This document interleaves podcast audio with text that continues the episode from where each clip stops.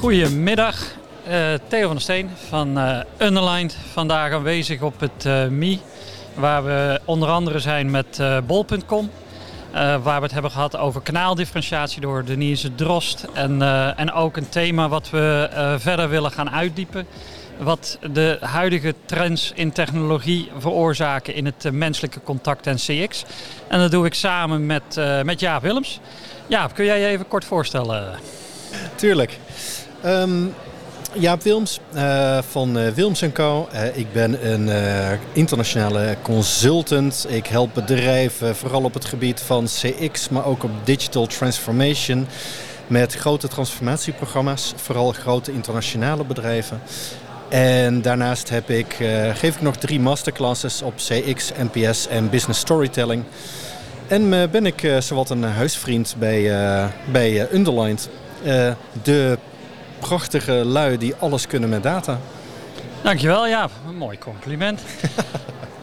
nou, als we uh, nou, data en technologie, uh, ook steeds meer het uh, geautomatiseerde klantcontact en het gedigitaliseerde klantcontact, dat heeft natuurlijk in de afgelopen jaren enorm aan, aan terrein gewonnen. Maar als je dan nou kijkt vanuit een CX-bril, wat, wat, zie jij nou gebeuren in het klantcontact en ook in de rol van CX? Uh, als het, eh, en de trend die er op dit moment gaande is met uh, versnelde technologie. Ja, nou, je ziet een paar dingen gebeuren, denk ik. Je ziet dat er steeds meer technologie beschikbaar komt. het is goedkoper, het gaat sneller, dus de manier om contact te zoeken met een bedrijf wordt steeds gemakkelijker gemaakt. Ehm, en tegelijkertijd zie je dat het publiek ook vlugger contact zoekt. We zijn steeds minder geneigd om dingen zelf uit te zoeken, denk ik zo. Ehm, we pakken al vrij vlug een, uh, een, uh, een, uh, een chat, pakken vrij vlug de telefoon om het gewoon even te vragen. Want ja, we willen het gewoon niet uitzoeken. Als dat vervolgens niet prettig loopt, wordt dat net zo vlug online geslingerd. En krijg je de online shaming. Dus dat zijn twee behavior trends die ik echt wel zie. En ik zie dat organisaties daar echt mee worstelen. Want eh, ja, hoe ga je daarmee om? Ja, dan zeg je organisaties. Hè. Organisaties zijn natuurlijk een, uh, een breed begrip, bestaat uit veel afdelingen. Als ik kijk naar de disciplines waar wij veel mee werken, de data science afdelingen en de ICT afdelingen, maar ook de CX-marketeer, maar toch ook wel veel meer die techies. Nou, die vinden het allemaal geweldig, hè, wat er tegenwoordig kan en hoe dat, uh, hoe dat kan. Uh, tegelijkertijd zie je ook wel dat CX-afdelingen worstelen met hun rol binnen de organisatie. Ja, ja zeker. Ik, ik, ik vind ook dat de CX professionals, de echte CX-professionals, moeten veel breder gaan kijken. Wat ik nu vooral zie, um, en, en ik generaliseer natuurlijk enorm. Maar wat ik vooral zie is dat mensen bezig zijn met data, met inzichten, fantastische dashboards hebben, uh, journeys uitwerken. En met een beetje geluk passen ze dat ook nog toe naar uh, de strategie van het bedrijf zodat alles goed gekoppeld is. Met een beetje geluk gaan ze ook nog een keer zich heel goed richten op het monitoren en echt het embedden van wat ze hebben bedacht in de organisatie. Maar wat ik wel mis is de essentie. Wat is customer experience? Waarom zou je voor een bedrijf uh, niet alles automatiseren voor de klant? Dat, iedereen is daar meteen op tegen. Maar wat is dan die added value om te praten met een mens? En hoe is dat uniek voor jouw bedrijf? Wat, wat, wil je eigenlijk beschermen als je niet alles wil automatiseren? En die vraag die hoor ik nog te weinig. Ja, kan ik me voorstellen.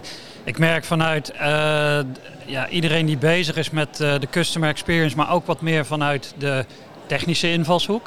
Dat hij ook aan het kijken is van ja, kan ik beleving niet leren aan een, uh, aan een bot?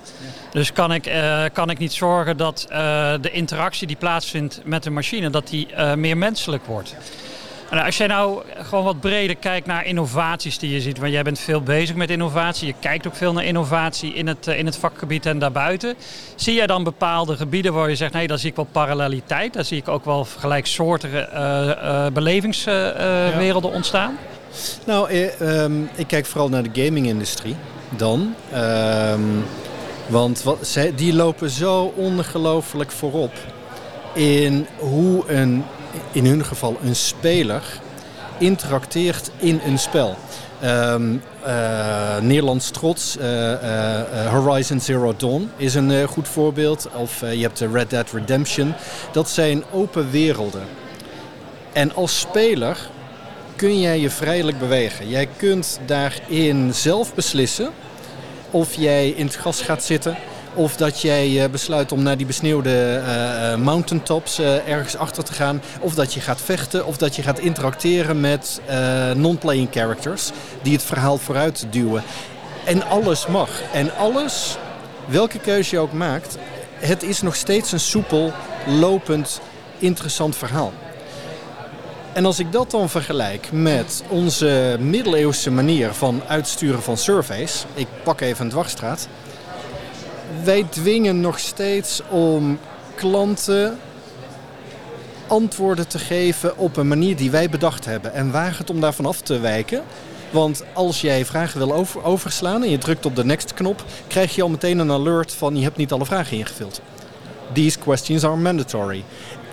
Dat, dat gedachtegoed kun je niet meer volhouden in deze tijd.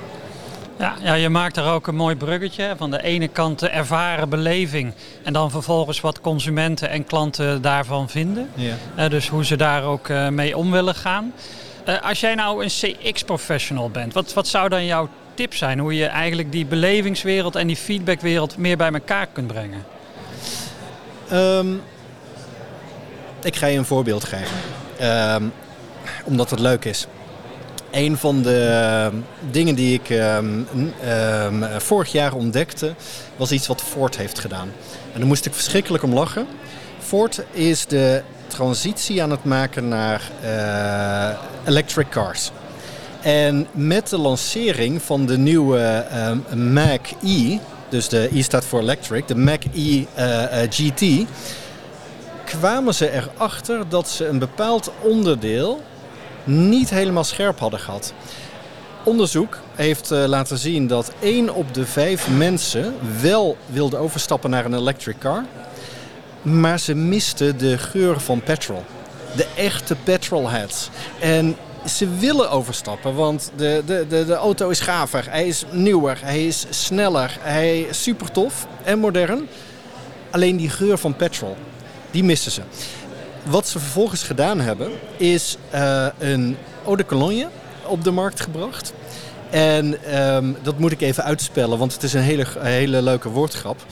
Het is een, uh, een, een uh, geurtje dat ruikt naar petrol. En het heet MAC, zoals M-A-C-H, zoals de auto. En in plaats van Mac-E is het Mac-O, dus E-A-U. Maar ja, als je dat uitspreekt, is het dus Mac-O. It's macho. Eh, het is, eh, het is zo goed bedacht op zoveel manieren.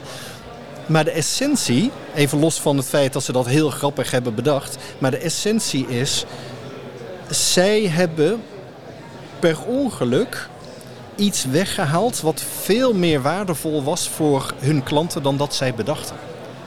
En alleen als ik al op die manier kijk, en soms is het makkelijker om het om te draaien, om te weten wat je moet doen. Hè? Wat kun je absoluut niet weghalen voor klanten, omdat ze het gaan missen. Dat is hetgeen wat jouw brand, wat jouw merk, wat jouw bedrijf zo uniek maakt. En ik denk dat dat echt iets is om, voor vooral voor de CX professionals, om je te realiseren. Menselijk contact aan zich met een bedrijf is geen winning formula je kunt alles automatiseren. En alsjeblieft vooral de, de, de, de, administratieve uh, uh, processen, de, de, de polisvoorwaarden opvragen, de, de, de retourformulieren of procedure opvragen. Alsjeblieft automatiseren. Maar de rol van een CX-professional is met name... wat zijn de dingen die we absoluut niet weg mogen halen... die op een, een of andere manier zo uniek zijn voor een bedrijf... waardoor het waardoor het echt goed is om dat menselijk contact te blijven houden. En heel bewust in te zetten. Niet overal menselijk contact, sterker nog heel weinig, maar wel op die cruciale momenten. En ik denk dat de CX Professional daar echt eens even heel goed over na moet gaan denken. Dus niet alleen wat is de strategie van het bedrijf, hoe ga je dat met inzichten en data eh, tot, eh, tot journeys, eh, tot, tot nieuwe designs eh, eh, implementeren. Maar ook wat gebeurt er in de wereld om ons heen? Wat zijn nou echt de cruciale elementen die maken dat klanten bij jou als bedrijf komen en waarvoor je absoluut menselijk contact nodig hebt? Dat is een veel grotere stap naar achteren die six professionals mijns inziens moeten maken dan dat ze nu doen. Ja, nou dat is wel een hele mooie analogie. Eh, vanmorgen sprak eh, Denise van Drost van Bol.com eigenlijk over dat menselijke contact waar zij nog verantwoordelijk voor is. En bij Bol.com zijn ze natuurlijk uh, als de gekken bezig om Billy, de chatbot, uh, optimaal te laden om uh, het gros van het klantcontact te kunnen afhandelen. Maar daar waar je echt het verschil maakt, een e-commerce partij is het telefoontje met een, twee mensen aan beide zijden. Is natuurlijk de enige keer dat je met het merk bol.com praat.